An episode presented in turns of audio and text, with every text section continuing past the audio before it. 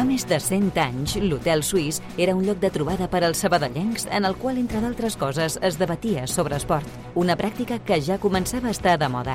Un segle després, continuem amb aquell esperit històric d'una ciutat estretament vinculada a l'esport.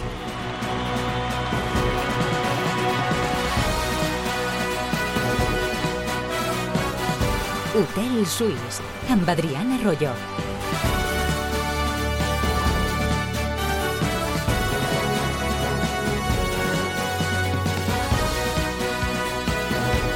Què tal com esteu? Amb 11 empats en 23 jornades el Sanse no és el rei de l'empat perquè el Teruel directament és que s'està passant el joc amb 15 igualades en el que portem de Lliga. És evident que el filial de la Real Societat competeix gairebé sempre, només ha perdut un partit per més d'un gol, l'última Zubieta contra el Nàstic, no encaixa molt, i ha empatat gairebé la meitat dels partits que ha jugat però si mirem el còmput general de la Lliga, l'estadística de victòries i de derrotes és ben curiosa. Fins al mes de desembre, l'equip de Sergio Francisco no havia perdut ni un sol partit. Després de 14 jornades, l'equip Churiurdin liderava en solitari la taula. En el primer partit d'aquest mes de desembre que dèiem va arribar la primera derrota i des d'aleshores no han tornat a guanyar. 5 derrotes i 4 empats, 4 punts de 27. I de ser primers, a l'actual vuitena plaça, 7 punts per sota del play-off. Aquest és el panorama que es trobarà demà passat al Sabadell a Terres Guipuscoanes. Avui, d'aquí a no gaire, compareix Òscar Cano en la prèvia d'aquest Sanse Sabadell de dinàmiques negatives. La del Sabadell, ben curteta, només 3 jornades sense guanyar. La de la Real B, més gran, 9 sense sumar, de 3 en 3. Veurem què s'explica el granadí. Tot l'esport de la ciutat, d'una a dues a l'Hotel Suís de Ràdio Sabadell. A les vies de sol, Toni González, amb ell arrenquem avui, dia 15 de febrer.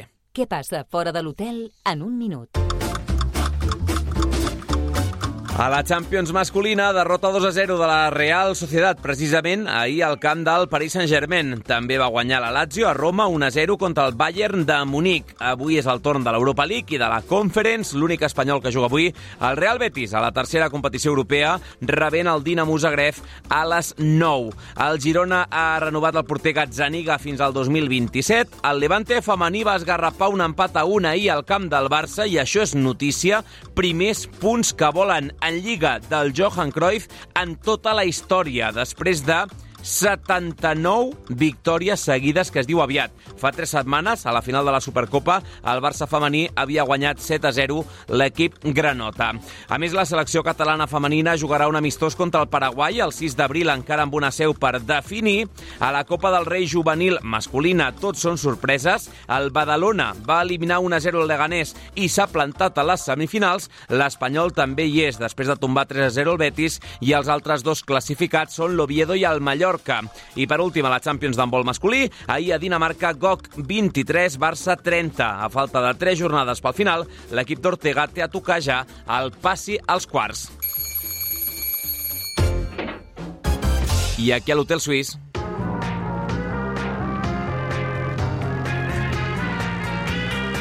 es comenta a la recepció?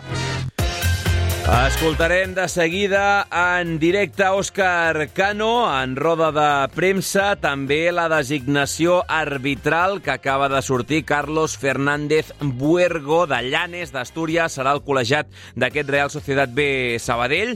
Tenim l'equip de bàsquet 3x3 del Club Natació Sabadell marxant cap a Màlaga per jugar la Copa, l'OAR femení que ahir a Mataró va saltar la zona de fases d'ascens, ciclisme, natació, waterpolo o squash. L'actualitat de la primera ref. Fa pinta que hi haurà ple al Reino de León pel derbi Cultu Ponferradina. Avui la Cultural ha anunciat que també estan esgotades ja les entrades pel fons nord.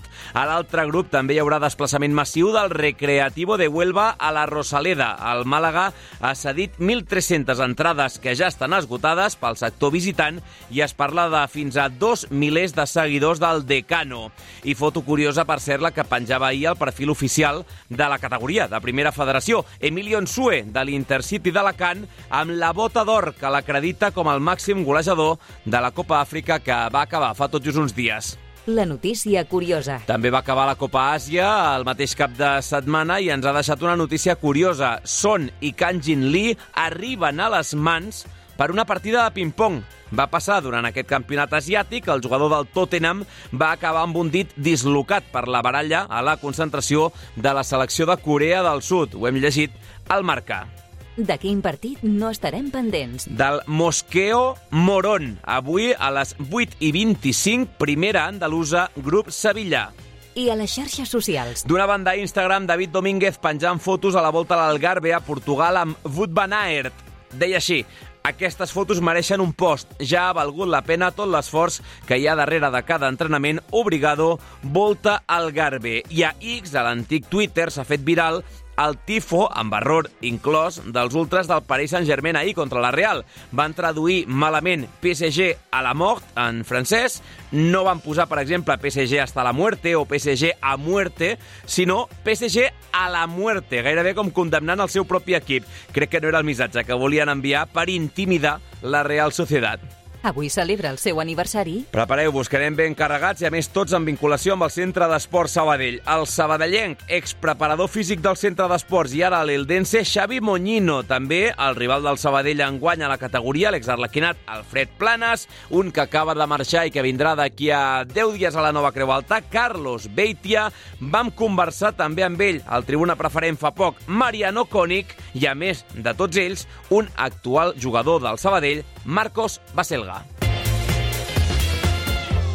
Hotel Suís. De dilluns a divendres a Ràdio Sabadell.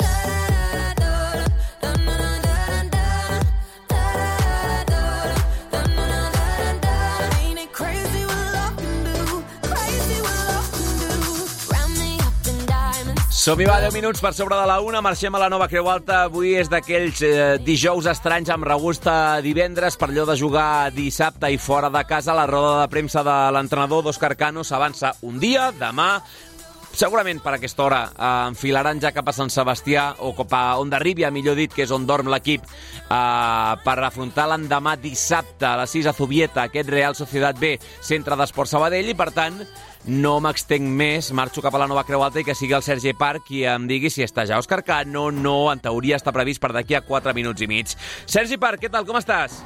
Hola, Adri, com estem? Escolto soroll que diria que és més de carrer que no pas de sala de premsa, pot ser? Sí, estem a zona mixta, de moment força sols aquí, ha d'arribar Òscar Cano aviat, però de moment no l'hem vist. El Granadí encara uh, ni que sigui dirigint-se cap a la sala de premsa Miguel Quereda, així que encara haurem d'esperar uns minutets. Doncs eh, esperarem per escoltar-lo. Avui parlant d'una Real Societat B. Demà segur que hi aprofundiu més amb el Pau Vituri, que presenta estadístiques curioses, que empata molt, que és molt difícil de, de, de guanyar-los, però, per contra, déu nhi la ratxeta negativa que acumulen, eh? Sí, no li esgarrarem molt les estadístiques al Vituri per l'hotel suís de demà, que si no se'ns enfadarà, però vaja, ho deies a la presentació, eh?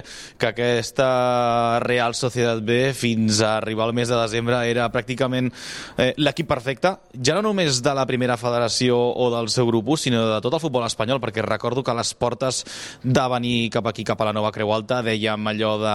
i ara l'únic invicte de primera, segona i primera federació, la Real Societat B. Doncs bé, allò, aquella notícia la vam llançar, Adri, al web radiosabadell.fm un 31 d'octubre i encara es va allargar pràcticament un mes més aquella ratxa d'invicte de l'equip de Sergio Francisco. Fins al mes de desembre, com diem, a partir d'aleshores ha passat tot el contrari amb aquest equip Xuri-Urdin, en què s'ha convertit, de fet, en un dels pitjors de la primera federació, si comencem a comptar des d'aquell punt, eh, des del mes de desembre. Per tant, veurem quin tipus de rival es troba al centre d'esports, perquè aquest filial ha demostrat de sobres la seva qualitat, però alhora passa per un moment molt delicat i, com dient, no li estan sortint els números des de les últimes jornades, comptant l'últim mes del 2023.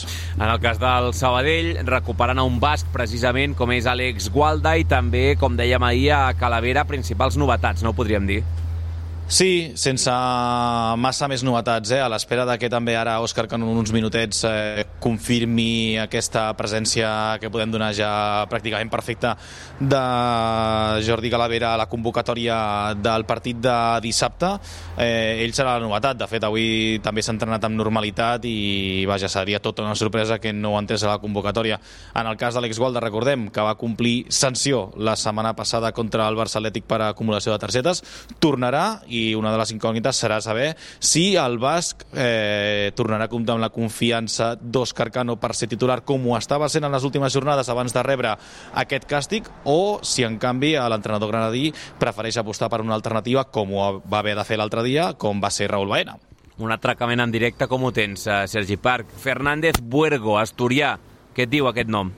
Sí, l'àrbitre asturià eh, de, de demà passat, avui com cada dijous, com bé sent habitual, hem tingut aquesta designació arbitral. T'ho vaig a dir de memòria, eh, perquè ho he mirat allò ràpid quan l'hem conegut. Si no m'equivoco, té 29 anys, aquesta és la seva Bé. vuitena temporada a la categoria de bronze, per tant Bé. ja en porta unes quantes entre segona B i primera federació. Per allò de ser del nord, no té cap precedent, si no recordo malament, amb el centre d'esports. No recordes canvi- malament? I en canvi amb el Sanse en té 5 Sí? i no ha perdut mai al final de la Real amb ell, no? Bona memòria, eh? Eres Mira. la... Quan estudiava, memoritzava tot, no? S'ho quedava tot aquí guardadet i ho vomitava després de l'examen, eh? Me l'empollon, em deien, sí. Ho has dit tu. Uh, sí, sí, bàsicament és tal qual. No té cap precedent amb el Sabadell i la Real B mai ha perdut amb, amb aquest bon home de, de Llanes, aquest asturià.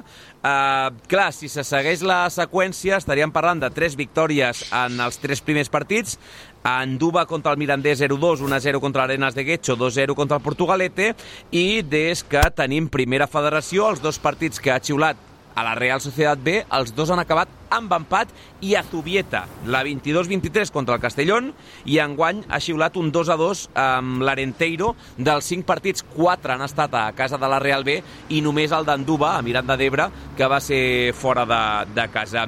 Uh, la memòria t'arriba per veure mitjana de targetes i tal, o aquí ja és massa? Aquí sí que ja no ho recordo.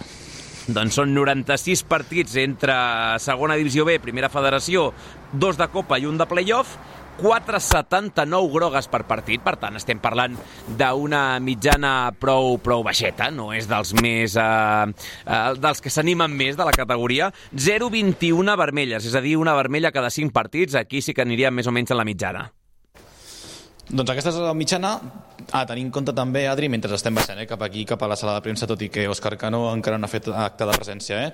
però també a tenir en compte pel fet de veure quan acaba veient, perquè suposo que l'acabarà veient algun dia, la cinquena groga Antonio Moyano, perquè si no m'equivoco, Adri, és eh, l'únic apercebut de l'equip, a no ser que s'afegeix a algú en aquesta llista en el duel contra el Barça Atlètic, que jo diria que, que no. Això, eh, això ho estàs fent per tornar-me però- l'atracament en directe que t'he fet amb l'àrbitre o... No, no.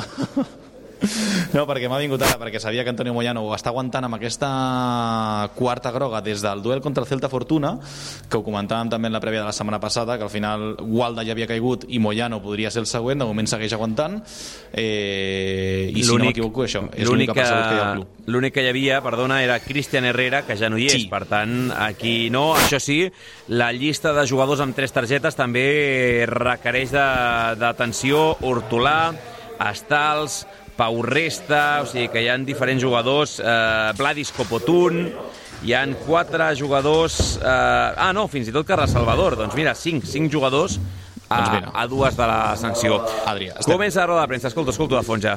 Som-hi. Comencem la rueda de prensa. Hola, Oscar, buenos días.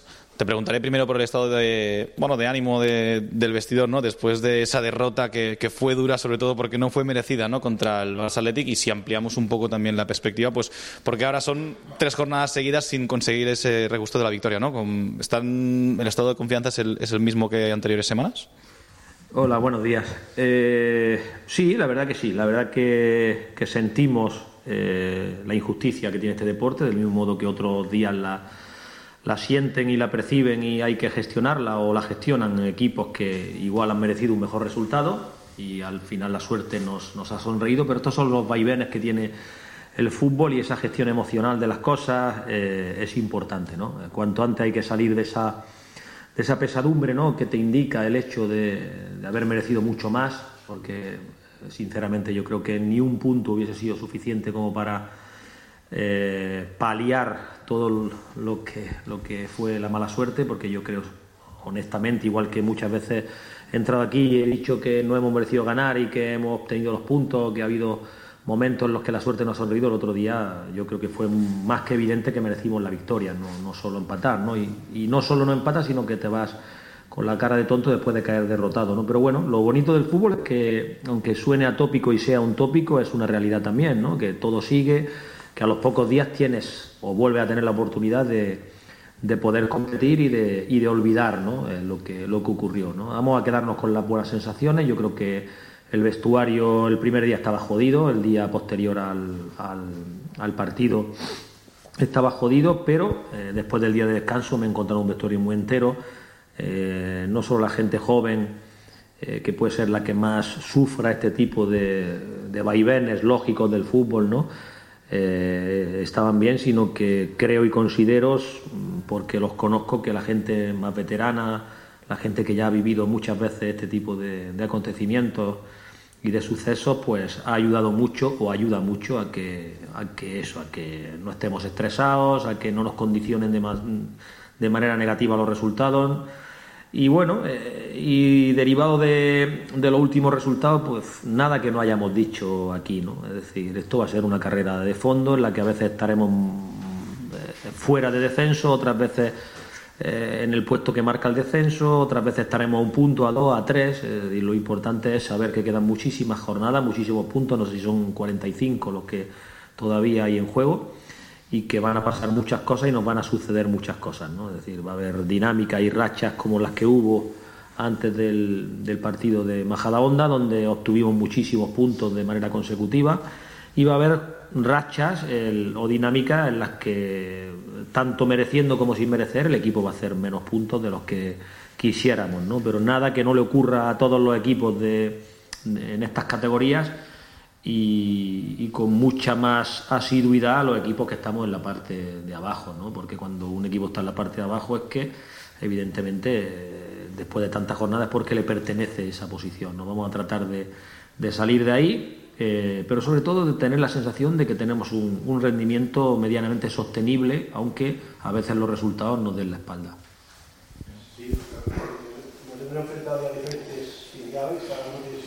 S'ha enfrontat a diferents filials, cadascuna amb les seves característiques, però el filial de Real té una trajectòria curiosa, que comentàvem abans. De ser invicta no guanyar les últimes jornades. tan, tan contrarias y tan extendidas en el tiempo, tanto para bien como para mal, no es la, la lógica que impera ¿no? en este deporte y sobre todo en estas categorías, ¿no? pero puede suceder.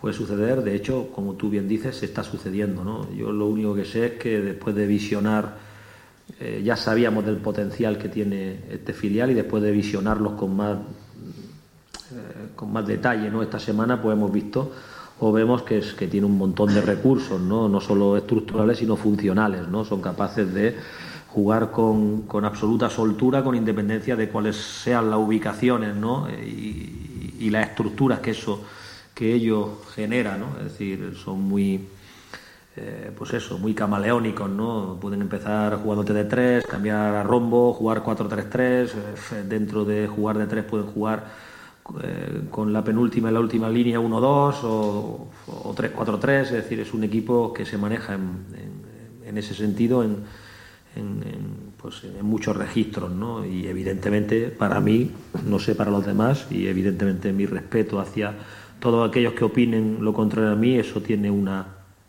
una importancia eh, para mí relativa, porque lo que marca la diferencia son los jugadores que tiene. Es decir, son jugadores que año tras año están llegando, eh, y no solo llegando, sino manteniéndose con una, con una determinación increíble en el, en el primer equipo. Eh, ayer, ayer lo podíamos ver ¿no? en, algunos de ellos, en, un estadio tan exigente como es eh, y ante un rival tan exigente como el Paris Saint Germain en una competición eh, o la competición de- del máximo nivel como es la, Champions es decir y, bueno y, seguramente seguirán filtrando jugadores al primer equipo no yo en ese sentido conozco perfectamente quién hay detrás de, todo ello y, y lo digo tanto en la intimidad como, como ahora públicamente mi absoluta admiración ¿no? por Roberto Olave y por todo lo que genera en los clubes eh, o, eh, en los que ha estado o, como lo hizo en, su día en Qatar, ¿no? al cual a Roberto le estaré eternamente agradecido por darme esa oportunidad, por creer en mí eh, cuando me llevó a la selección sub-19 de Qatar, por, por considerar que yo podía aportar algo. Es verdad que no estaba en mi, en mi mejor momento, pero también es cierto que, eh, que allí me di cuenta y constaté que, tanto en volumen como en calidad, es decir, cantidad y cantidad, calidad, perdón, y cantidad se dan de la mano cuando Roberto eh, está dirigiendo las cosas, ¿no? Y en ese sentido, pues ahí están los equipos de la Real Sociedad, los jugadores de la Real Sociedad eh, y todo lo que está haciendo la Real Sociedad en el, en el primer equipo, ¿no? Hablabas ahora de tu análisis eh, del equipo rival y de que puede ser, bueno, pues eso, eh, adaptarse también a, a, las circunstancias y jugar con varios sistemas. Imagino que Sergio Francisco también habrá visto ese Sabadell que a lo mejor puede jugar con cuatro atrás, cinco atrás o como el otro día con esos cambios tácticos. Lo digo también porque el otro día eh, pues apostaste por, por Baena eh, de titular, vuelve Walda después de la sanción. No sé si eso es un bendito dilema, como se suele decir, ¿no? El hecho de que vuelva Walda, Walda y que Baena rayara buen nivel eh, la semana pasada. Mira, eh, al acabar el partido el domingo, eh, a mí también, yo no soy ningún robot, yo siento, yo padezco y, y tengo y tengo por tanto sentimientos y tenía rabia, tenía tristeza porque nadie merecíamos el, el resultado, ¿no? Pero el paso del tiempo ya no vamos haciendo mayores y también tendemos a relativizar las cosas eh, con el objeto de tratar de o de intentar eh, extraer las cosas positivas que ocurren en la, en la derrota, del mismo modo que tenemos que relativizar las buenas dinámicas porque muchas cosas, a pesar de ganar, están mal hechas, ¿vale? O creemos que están mal hechas o que se pueden mejorar, ¿no? Y una de las cosas que, eh, le decía yo al, al, resto del cuerpo técnico, al resto del staff, era esa. Es decir, que tenemos muchos jugadores, muchísimos jugadores enganchados a la causa. Incluso aquellos que disputan menos minutos, eh, yo los veo ya preparados para jugar en cualquier momento. ¿no? Por tanto, como tú bien dices, es un bendito dilema. ¿no? Es decir, eh, no hay mayor satisfacción para un entrenador que ser injusto alineando a jugadores, siempre y cuando la injusticia, la injusticia perdón, proceda del hecho de tener que elegir a uno que está bien, pero eh, por ende dejar a uno que está bien fuera de, del once titular. ¿no? Yo creo que hay mucha gente preparada, tenemos un vestuario excepcional en ese sentido, en el día a día, y, bueno, y ahora mismo pues es, difícil hacer una alineación aquí en, en el Sabadell, ¿no? Es decir, es curioso como un equipo de la parte de abajo tiene dificultad para hacer una alineación porque hay muchos muchos jugadores que están a un muy muy buen nivel, ¿no? Y eso sí que me deja tranquilo, ¿no? Que ante las distintas ausencias que vamos a ir teniendo por tarjetas, por lesión y por todo esto, eh, por todas estas cuestiones, ¿no? Que, que, son parte del día a día del, del, fútbol, el que entra creo que va a dar la cara, ¿no? Y ahora mismo, a falta de, de, de, tantas horas para el partido, sí de que te puedo decir que no sé aún lo que voy a hacer. Tengo algunas posiciones que sí las tengo medianamente definidas en mi cabeza, pero hay otras que, que todavía me bailan, ¿no? Eh, y eso es muy importante, muy interesante eh, y sobre todo muy positivo, ¿no? Para, para, para una plantilla. Sí, hemos dicho estas últimas semanas aquello de salir de la zona de descenso, quizá un dia que, que, que menos... Mirem de nou a la classificació, potser el dia que menys es digui és com pot passar això que el Sabadell pugui sortir al descens. Sí, puede, puede ser, es decir, eh, yo no sé qué, qué impacto en, en lo psicológico tiene el hecho de que cada vez que hemos jugado en la última semana hayamos jugado para salir del descenso, porque había resultados que nos estaban acompañando de, de días anteriores o de horas anteriores. Eh, pero bueno, es decir, tenemos otra oportunidad este domingo, ¿no? Pero sobre todo la oportunidad de sumar, sobre todo la oportunidad de, de seguir diciendo que somos competitivos y ante todo, pues eso, yo a mí lo que me gustaría ver es un equipo entero, con independencia de lo que vaya sucediendo durante el partido, que estemos siempre enganchados a lo que es el partido, eh, a lo que son las dinámicas que tiene, la, la, las decenas que tiene de dinámica eh, un, mismo, un mismo encuentro y que en todas y cada una de ellas seamos capaces ¿no? de, de sacar ventajas. ¿no? Cuando vengan maldadas durante el partido, que seamos capaces de sacar esa ventaja que tiene que ver con recomponernos, con, con restaurarnos, con volver a tener cierto, cierto equilibrio y cierto orden y cuando vengan bien, pues saber, saber extenderlas, esas eh, pequeñas dinámicas que tiene un mismo partido, como digo, dentro del mismo partido y sobre todo que seamos capaces de aprovecharlas, ¿no? porque el otro día uh, hubo una ola muy positiva dentro de un partido que estaba muy igualado, que estábamos sosteniendo bien. Eh, hay una ola muy, muy positiva, muy, muy positiva, que dura 20-25 minutos en la segunda parte para nosotros y eso hay que aprovecharlo. ¿no? Es decir, eh, ahí sí que es verdad que tenemos que ser mucho más eh, certeros y aprovechar lo- los buenos momentos, ¿no? porque además era contra, contra un rival de gran entidad y en un momento muy importante para, para nosotros. ¿no?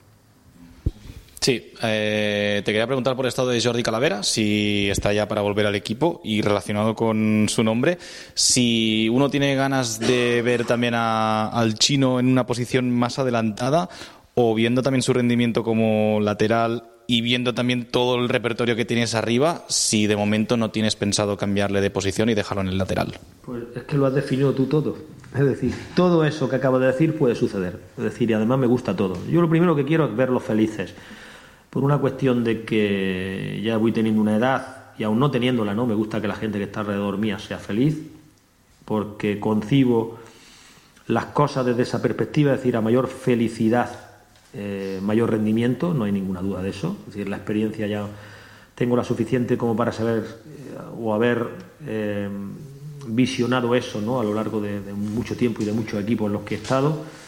Cuando hay un día a día donde la gente es feliz, se rinde más, porque la felicidad también tiene que ver con que se sienten capaces, con que lo que hacen tiene sentido, porque lo que hacen eh, lo pueden expresar, aquello que mejor saben hacer lo pueden expresar, por tanto el rendimiento aumenta o se optimiza y a partir de ahí también pues eh, cuantos más recursos tengamos mucho mejor para mí, ¿no? porque los partidos se pueden poner de mil maneras o se pueden plantear de mil maneras, ¿no? en esa dimensión estratégica que todo partido que todo compromiso competitivo tiene, ¿no? Pues sí, yo tengo ganas de que- de que Jordi esté al 100%, tengo ganas de que a partir de ese 100% sea capaz de hacer las cosas como creemos todo y consideramos que sabe hacerlas, a partir de ahí, pues evidentemente se abre el abanico, ¿no? Y su estado actual, pues bueno, eh, la verdad que ha entrado poco a poco con el grupo y ha hecho algo más que, que en otros días y bueno, será el día de mañana el que nos indique si está para venir, si no está para venir, si está para jugar más, si está para jugar menos. Será mañana cuando sepamos sus verdaderas sensaciones porque es el día anterior al partido.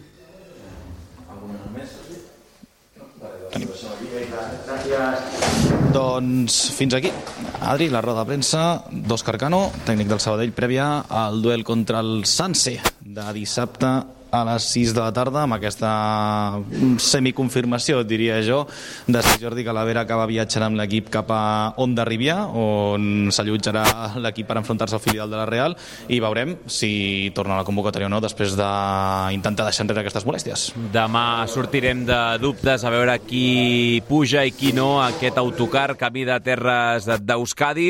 Uh, clar, eh, pot ser una a regalar oïdes, però la veritat és que és interessant el que apunta Òscar Cano al voltant de les baixes que hi hauran eh, en aquest segon tram de competició, en aquesta segona volta, i d'estar tranquil amb la gent que l'ha de substituir, perquè la sensació que vam tenir al principi de, de l'era Òscar Cano és que eh, apurava molt amb els canvis, que això ja, ja li escau bastant al granadí, i, i, i tenia un bloc de confiança eh, més aviat limitadot, o sigui, res a veure amb, amb el que té ara entre mans.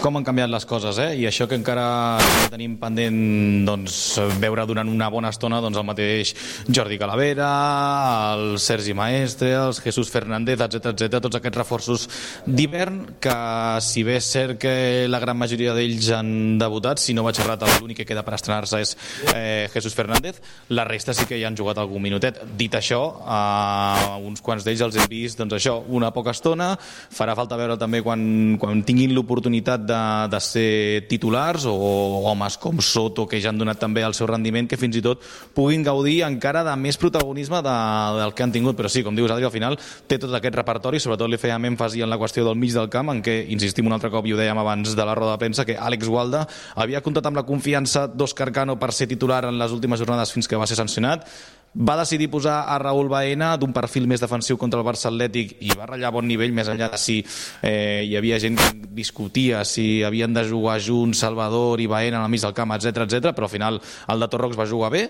i a partir d'aquí doncs, veurem per què aposta Cano dissabte. Tu no t'animaries, no?, a fer un pronòstic? No. la veritat és que no. Um, jo crec que per la confiança que tenia Gualda és possible que, que sí que torni a l'11, però no em jugaria gaire escalers per aquesta opció. I vaig rematant, per cert, on et trobes de l'estadi? Per baixa, pot ser, encara? Sí, sala de premsa anirem cap a dalt. Sí, sí, millor, si millor, cas, millor, millor. Sí. Ves cap a la zona mixta. Que... Saps què passa? Que quan pujo escales m'ofego una mica i llavors es nota una mica que em falta l'aire, però... Vaig tirant jo, però no, si ets, un, ets el tio que més va al gimnàs de tot Ràdio Sabadell, amb diferència respecte al segon, o sigui, per això no... Tampoc és molt difícil, això. Ta- Tampoc és molt difícil, és veritat, diu poc de la plantilla de Ràdio Sabadell. Uh, et deia, mentre agafes posició, que al final el que sí que uh, ha semblat intuir-se en la resposta sobre David Estals d'Òscar Cano, tot i estar bastant d'acord amb la teva lectura, que ens ha quedat clar també, és que Calavera, no sé, potser ens sorprèn, eh, però ha, ha vingut a dir una cosa així com a veure si arriba ja al nivell del 100%, perquè tinc ganes de, de veure'l en aquesta plenitud. Eh, és evident que ha estat una setmana aturat amb el tema del microtrencament que va patir al recte i, per tant, eh, surt de, de problemes musculars. No, no el veig jo jugant d'inici, eh, o t'ho dic d'una altra manera. A la pregunta que plantejava, segurament a Zubieta, el veurem enganxat aquí a la, a la part defensiva, David Estals, no? Sí, probablement sí. Uh, I aleshores caldrà veure doncs, aquest debat en les pròximes setmanes. Però si vols entrem en una mica espai de tribuna preferent, Adri. Però el tema del Xino Estals, que sempre dèiem que en el carril sí que rendia bé, però necessitava jugar amb una línia de 5 perquè de lateral és quan patia molt les esquenes i fins i tot en el carril molts cops podia quedar retratat a la fotografia. Jo, en els últims partits, també he vist millora defensiva de David Estals i, de fet, l'altre dia contra el Barça Atlètic segurament hi va haver alguna opció que, o alguna ocasió del Barça Atlètic que vindria pel seu costat, però no recordo allò que hi hagués molts comentaris o moltes crítiques en referència al Xino dient que va patir molt defensivament i que no podia jugar en aquesta posició. També caldrà, caldrà veure com juga la Real B, perquè és un equip que, igual Sí. que el Sabadell, aquí es generarà una batalla tàctica curiosa, eh? perquè igual que el Sabadell ha jugat amb tres centrals i carrils llargs i ha jugat amb, amb quatre al darrere, eh, alternant un sistema i l'altre eh, les últimes setmanes. O sigui que veurem per què aposta també Sergio Francisco, que suposo que pot influir una mica. Sí, sí, sí, totalment, eh? Mm, El que mania jo també és això, que en els últims partits a mi m'ha fet la sensació que cada cop estem veient un David Estals més assentat fins i tot en aquestes tasques defensives de saber-se posicionar quan juga en el carril o en el lateral. Però, dit això, potser demà passat la Real Societat B insisteix per aquest costat i veiem a David Estals patir i tot aquest argument que estic dient se'n va pel terra. Però bé... Un David uh, Estals, ahir protagonista, per cert, en roda sí. de, de premsa, parlant allà on ho ha fet avui Òscar Cano. Uh, si, si vols fer, allargar el tribunal preferent, tu mateix, eh? O no? Eh, Eh... Tens alguna unpopular opinion que dirien a la sotana o no? No, no, no, no. I a més, per tempos, jo crec que em diràs, mira, si vols allargar el tribuna preferent, queda't aquí parlant amb gent del club, que jo he de seguir amb el programa, saps? Minutet tens encara, si volguessis, eh? Però això depèn de tu. Si vols Mira.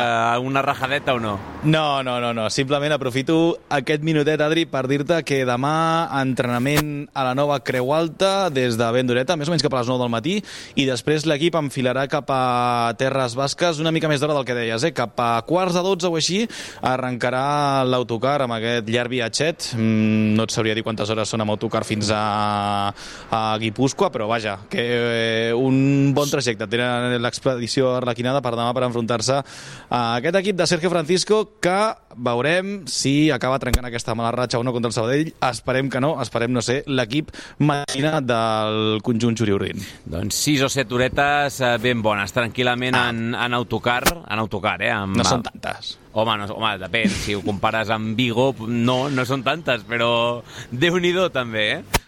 Vosaltres trigareu menys amb el cotxe. Sí, sí, crec, crec que fem aturada a mig camí per dinar, però sí. Ah, Però Ah. vaja, que més o menys serà una rutina similar la que, la que seguirem. Uh, avui, per cert, no t'ho he comentat i amb això ho remato. L'entrenament tiro de memòria i ara estic marcant-me un triple i tu que ets àrbitre em dius si entra o no. A Sant Oleguer era avui? sí, correcte, Sant Oleguer avui. Doncs Oleguer la sessió penúltima abans de marxar cap a, cap a Euskadi. Sergi Parc, queda't aquí fent tribuna tant com vulguis i sobretot, com deia el míster, sigues feliç, eh? Sí, sí, no, però ja vinc que tinc gana. Va, fins ara. Fins ara. Dos quarts i mig de dues. Fem una aturada en el camí. No serà al nord, serà al sud, però de seguida parlem amb uns que marxen a competir a Màlaga. Allà tampoc s'està del tot malament. Publicitat i tornem.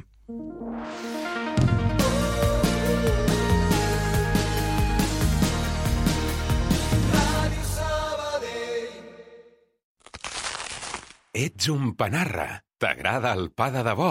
Cruixent, amb molla esponjosa i l'aroma de l'autèntic pa. A Valero també som uns apassionats del pa. Del pa de veritat, del de sempre, del que vam aprendre a fer fa més de 60 anys. Per això, elaborem les nostres especialitats com abans, respectant la tradició, perquè puguis tornar a gaudir del plaer de menjar pa. Perquè a Valero som forners. Som del Sabadell. Sabadell en joc. Després d'una derrota, el més important és refer-se ràpidament. El Sabadell té ara una oportunitat immillorable per donar un cop de puny damunt la taula. Ara l'objectiu dels dos Carcano és el de tornar al bon camí i, de pas, no perdre de vista el tren de la permanència. Sabadell en joc. Passió arlequinada. Dissabte a dos quarts de sis de la tarda i des de la ciutat esportiva de Zubieta, Real Societat B, Centre d'Esport Sabadell. Segueix la transmi amb la narració del Sergi Garcés, els comentaris de l'Adriana Arroyo i la direcció del Pau Vituri. Dissabte, 17 de febrer, a dos quarts de sis de la tarda, Real Societat B, Centre d'Esport Sabadell, a Ràdio Sabadell. Vibra amb els partits del Centre d'Esports al Sabadell en joc.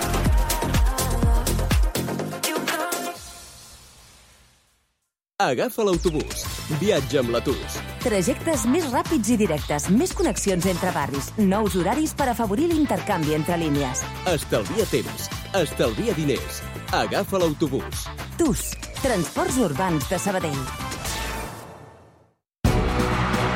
D'una a dues, l'Hotel Suís, a Ràdio Sabadell.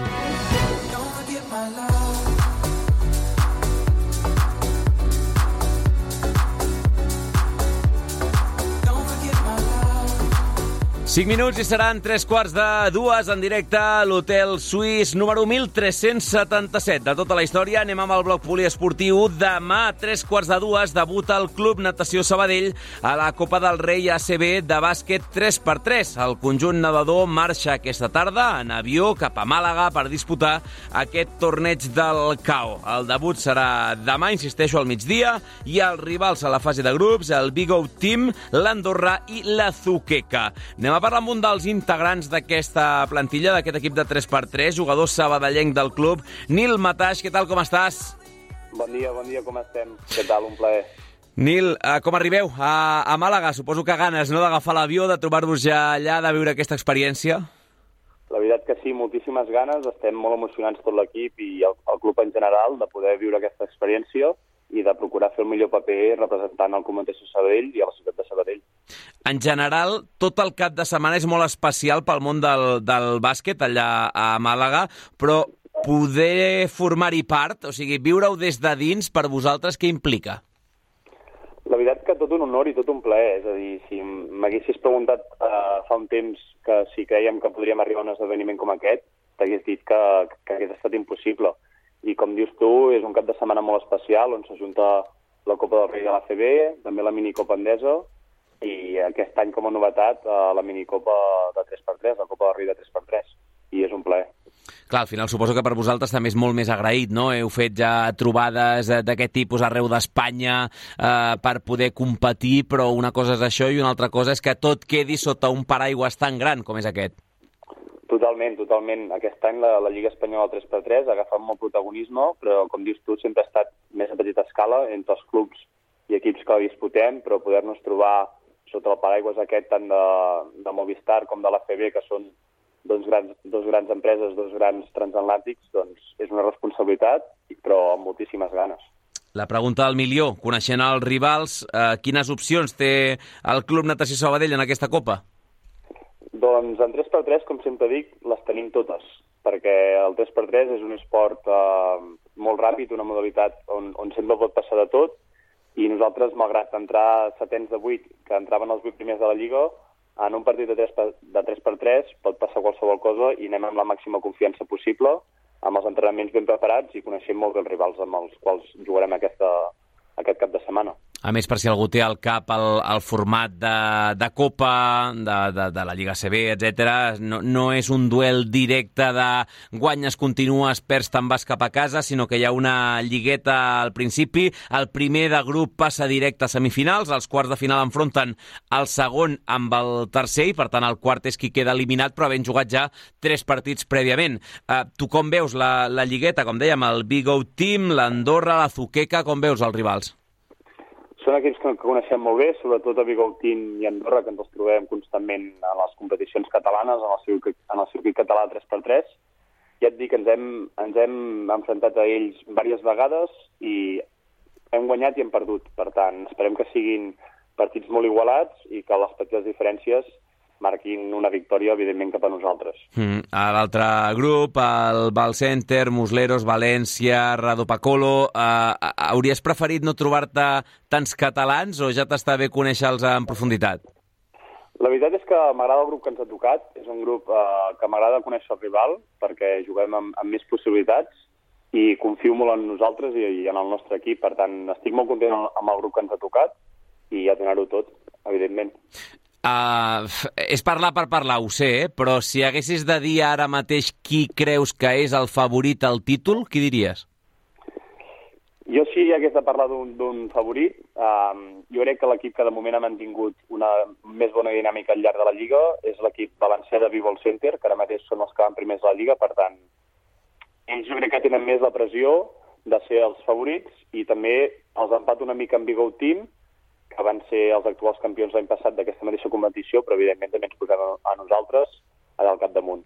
Es pot seguir, per cert, via Twitch, via YouTube, per tant, a la gent que potser està descobrint ara mateix aquí a la ràdio que hi ha 3x3, categoria, disciplina, per cert, olímpica, i, i que, ostres, que, que el Natació Sabadell té representació a la Copa que juga aquest cap de setmana a Màlaga. Eh, com engrescaries a la gent perquè s'enganxi a aquest món del 3x3?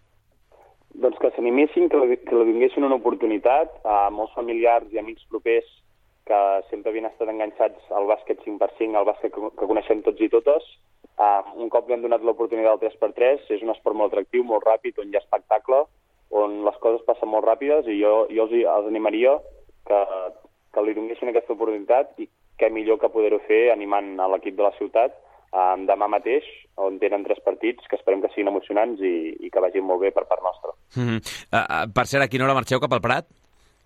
Marxem aquesta nit a l'avió Sur a les 10 menys 5 uh, cap a Màlaga. Doncs tant, aquesta nit viatjarem i arribarem ja a Màlaga. a intentar descansar el màxim possible i demà, des de tres quarts de dues, el debut del Natació Sabadell en aquesta Copa del Rei ACB de bàsquet 3x3. Nil Mataix, eh, tota la sort del món en aquesta competició, a gaudir-la a fons, a intentar arribar al més, lla, al més lluny possible i res, eh, també bon viatge cap a, cap a Màlaga. Que vagi molt bé, una abraçada.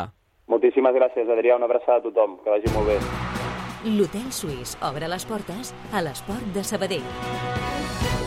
Per cert, afegim un apunt més de bàsquet. El primer equip masculí del Natació Sabadell de bàsquet, com deia ara el Nil, més convencional, més de 5 contra 5, no jugarà aquest cap de setmana, ja que el duel a la pista del líder de la Supercopa masculina, el Jack Sanz, s'ha ajornat al 21 de març. Per tant, els nedadors allarguen la seva aturada, ja que la setmana passada no hi va haver competició també, en aquest cas per Carnaval. El que sí que vam tenir el passat cap de setmana va ser la celebració de l'All-Star, d'aquesta Supercopa, a Sant Adrià del Besòs, amb la presència de dos jugadors del club a l'equip de la conferència Oest, Nil Deix i Arnau Sanauja. El primer va acabar amb 11 punts en 20 minuts i el segon amb tot just 4 en 15. Malgrat que van arribar a tenir 17 punts d'avantatge, es va imposar al final l'Est per 87-90.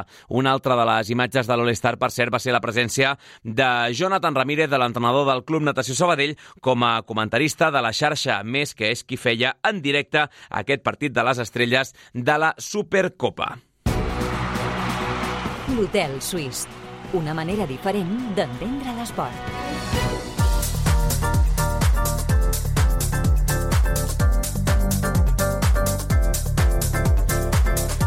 Del bàsquet a l'handbol, l'Oar Gràcia ha saltat els dos primers llocs de la divisió d'honor plata femenina. vital, vital aconseguir els dos punts, eh, una victòria clau amb un objectiu clar que era afiançar-nos en aquesta segona posició. Una vegada hem recuperat el partit que teníem pendent, era importantíssim poder estar segones ja que teníem l'oportunitat de fer-ho. Escoltàvem l'entrenadora Carol Carmona. Ahir a la nit, en el partit ajornat fa unes setmanes a Mataró, les gracienques van guanyar per 20 a 22, amb un paper estel·lar absolutament de Janna Sobrepera. Dels 22 gols verd i blancs, seus van ser 14, més de la meitat. Un autèntic mal de queixal pel joventut en vol Mataró. De fet, la jugadora de l'OAR és la màxima golejadora de tota la Lliga amb molta diferència, ja que li treu 32 gols a la segona en aquest rànquing anotador. Sobre Pere es queda amb la lectura més pràctica del partit d'ahir, reconeix que no van estar bé com a equip, però remarca que han assolit l'objectiu de tornar ja a la zona noble. Finalment tots els dos punts, ens fiquem segones i ara ja sí que depenem de nosaltres al 100%, que això era l'important. I ara ja que sigui el que hagi de ser, que dissabte ve un partit molt complex i haurem d'anar veient a poc a poc com, com anem traient els punts i ara recuperar sobretot l'essència, recuperar les ganes i res, i intentar anar a fases, que era l'objectiu des del principi i esperem que segueixi sent el mateix. L'Onda, el setè classificat, serà el rival de les gracienques. Demà passat, Carol Carmona, l'entrenadora de l'OAR femení, creu que haver frenat la ratxa de tres empats seguits permet a les seves jugadores arribar a aquest tercer partit en qüestió de res, de, de 8 dies en una setmana, amb una altra mentalitat. molt contentes perquè al final jo crec que tenia també un tema mental el fet de fer un clic i poder guanyar els dos punts després dels tres partits que portàvem consecutius empatant i a partir d'aquí mirar cap amunt, fer les coses com sabem, entrenar molt dur Ara mateix l'OAR femení és dins d'aquesta zona de fases, això sí, per diferència de gols. S'ha posat al dia ja aquesta divisió d'honor plata femenina i tenim el Gràcia segon classificat, empatat amb el tercer, que és la Roca, i només un puntet per sobre del Sant Joan d'Espí. Per tant, la guerra, la veritat és que estarà igualada segurament les pròximes setmanes en la lluita per aquest segon bitllet per les fases. Aquest dissabte tornarà a haver-hi competició en aquest cas a casa, rebent al carrer Bocaccio el setè classificat, l'Onda. Hotel Suís. Entenem l'esport com tu.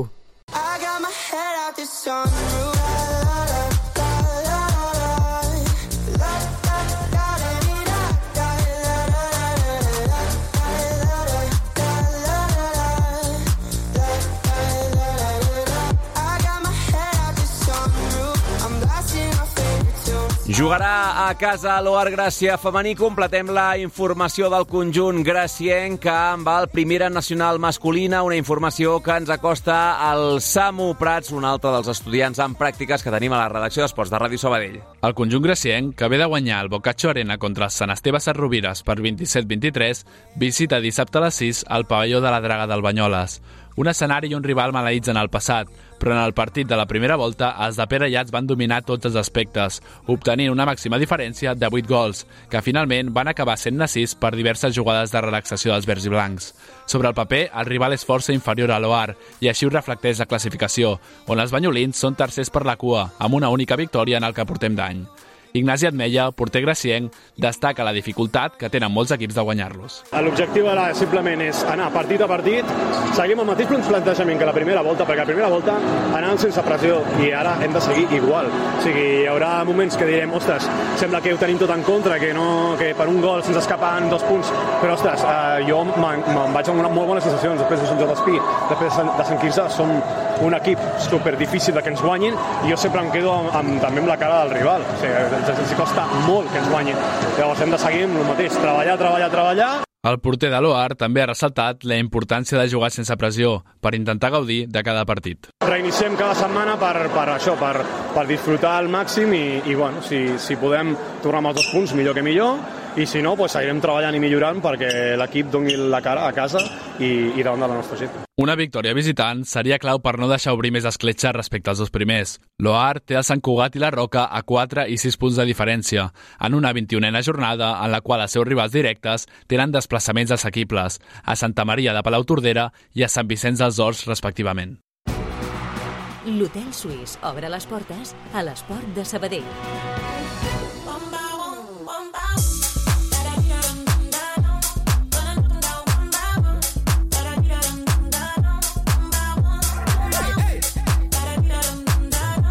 I gairebé tot el tram final del programa d'avui serà amb cites internacionals en presència sabadellenca. Comencem, per exemple, als Estats Units perquè Iker Pajares debuta avui a l'Squash on Fire Open de Washington DC. Això sí, clar, evidentment amb horari nord-americà, el que implica que aquí serà de matinada. El flamant campió d'Espanya s'estrena concretament a un quart de tres a la segona ronda contra el seu company de selecció i bon amic Bernat Jaume. Per tant, aquí sense secret secrets en el duel entre catalans. Serà la reedició de la final estatal que van jugar entre ells fa tot just uns dies a Santiago de Compostela, a la qual el sabadellenc va imposar-se en 4 sets en poc més d'una hora de joc, en 63 minuts de final. L'Igualadí ha eliminat aquesta passada nit l'anglès Tom Walsh a la primera ronda d'aquest Squash on Fire Open, mentre que Pajares, com a tercer cap de sèrie del torneig, s'ha estalviat aquesta primera eliminatòria i salta directe a la segona per jugar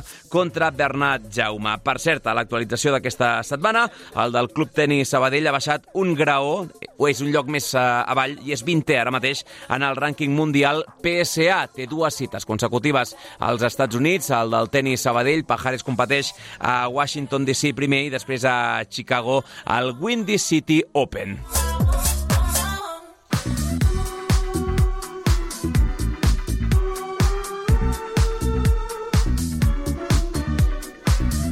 I de l'esquaix al món aquàtic dels Estats Units a Doha, on avui és el torn en el Mundial de la selecció masculina de waterpolo, quan dic que avui em refereixo d'aquí a res, a uns minuts. Anna Clarà, què tal? Bona tarda. Bona tarda. Els de David Martín jugant d'aquí a 5 minuts i mig a les dues contra Itàlia, buscant un lloc a la finalíssima. Espanya no baixa de la lluita per les medalles des del 2018. D'aquí uns minuts tornarà a jugar la mateixa semifinal de l'europeu de Zagreb des de fa unes setmanes, però aquest cop a Doha. La selecció, amb tres internacionals de l'Astral Pool més el sabadellenc Sergi Cabanes, ve de guanyar Montenegro als quarts per 15 a 12, mentre Itàlia va desfer-se de Grècia per 11 a 10, remuntant a l'última hora. El tècnic David Martín espera tota una batalla contra el Setevelo.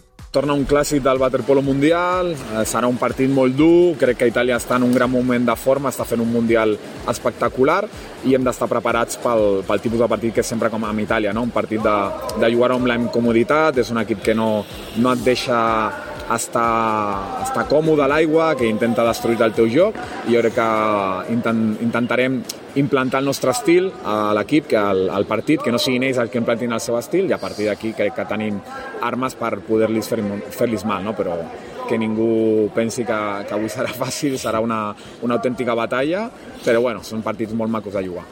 D'altra banda, la selecció femenina de waterpolo va caure ahir per 11-9 a semifinals contra els Estats Units en un partit en què va anar a remolc des del principi. L'equip de Mikioka va fer una primera fase immaculada guanyant contra equips potents com el Canadà, però no va poder amb les estatunidenques, com explica Maika García, boia del club i de la selecció. Tras el partido de, de, Estados Unidos de ayer, la verdad que salimos dolidas, salimos rabiosas por esa derrota, pero, pero bueno, ya aceptado, creo que, que, bueno, que no hicimos el mejor partido, eh, cometimos errores y ya los pudieron aprovechar muy bien. Son un equipo de mucho nivel y, y bueno, ahora pues lo que nos queda pues es eso, eh, ser optimistas, seguir trabajando. El rival a la final de consolació de demà a dos quarts de deu serà Grècia, que va perdre els penals contra Hongria. A més, amb canvi d'hora, estava previst a les dues d'aquí, les quatre d'allà, i finalment, com deies, Anna, serà a dos quarts de deu, per tant, a primera hora del matí d'aquí. Encara Doha, la cinquena sessió eliminatòria del Mundial ha estat favorable pel nedador del Club Natació Sabadell, Carles Coll. El tarragoní ha obtingut el 16è millor temps a les sèries dels 200 braça. Exacte, Coll ha assolit així l'última plaça per a les semifinals al Mundial. El nedador del club, sisè de la seva sèrie, ha fet dos bons primers parcials, però ha perdut una mica de pistonada després.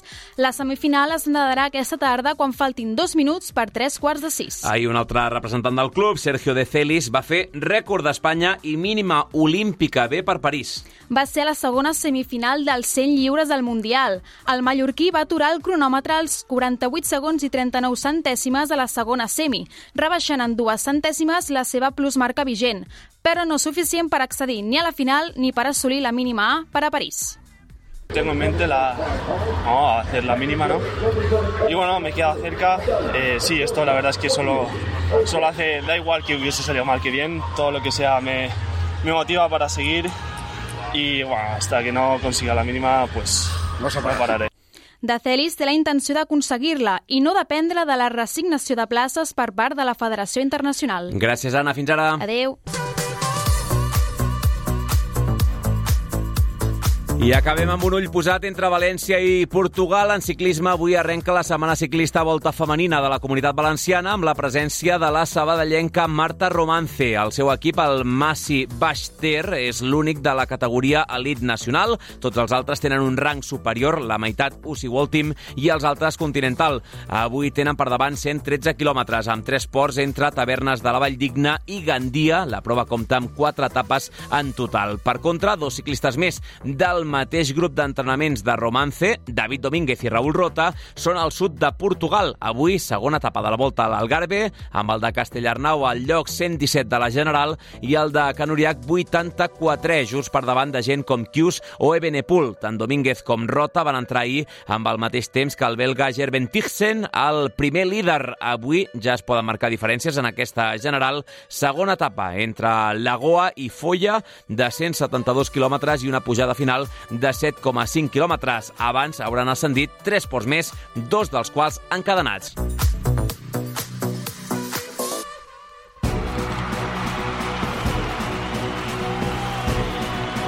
Un minutet i les eh, dues. Demà amb el Pau Vituri tancarem setmana, entre d'altres, amb les estadístiques imprescindibles prèvies al Real Societat B Centre d'Esport Sabadell, amb la tornada a la competició del Sabadell B, amb els juvenils, en futbol sala, amb tot el que succeeixi en el món del waterpolo, al Mundial de Doha o també a la natació. Ara el que fem és acomiadar-nos, enviar-vos una abraçada del Toni González des del control de so i deixar-vos en bones mans amb la Núria Garcia i la gent d'informatius, una nova edició del Notícies Migdia. Que vagi bé aquest dijous. Adéu-siau.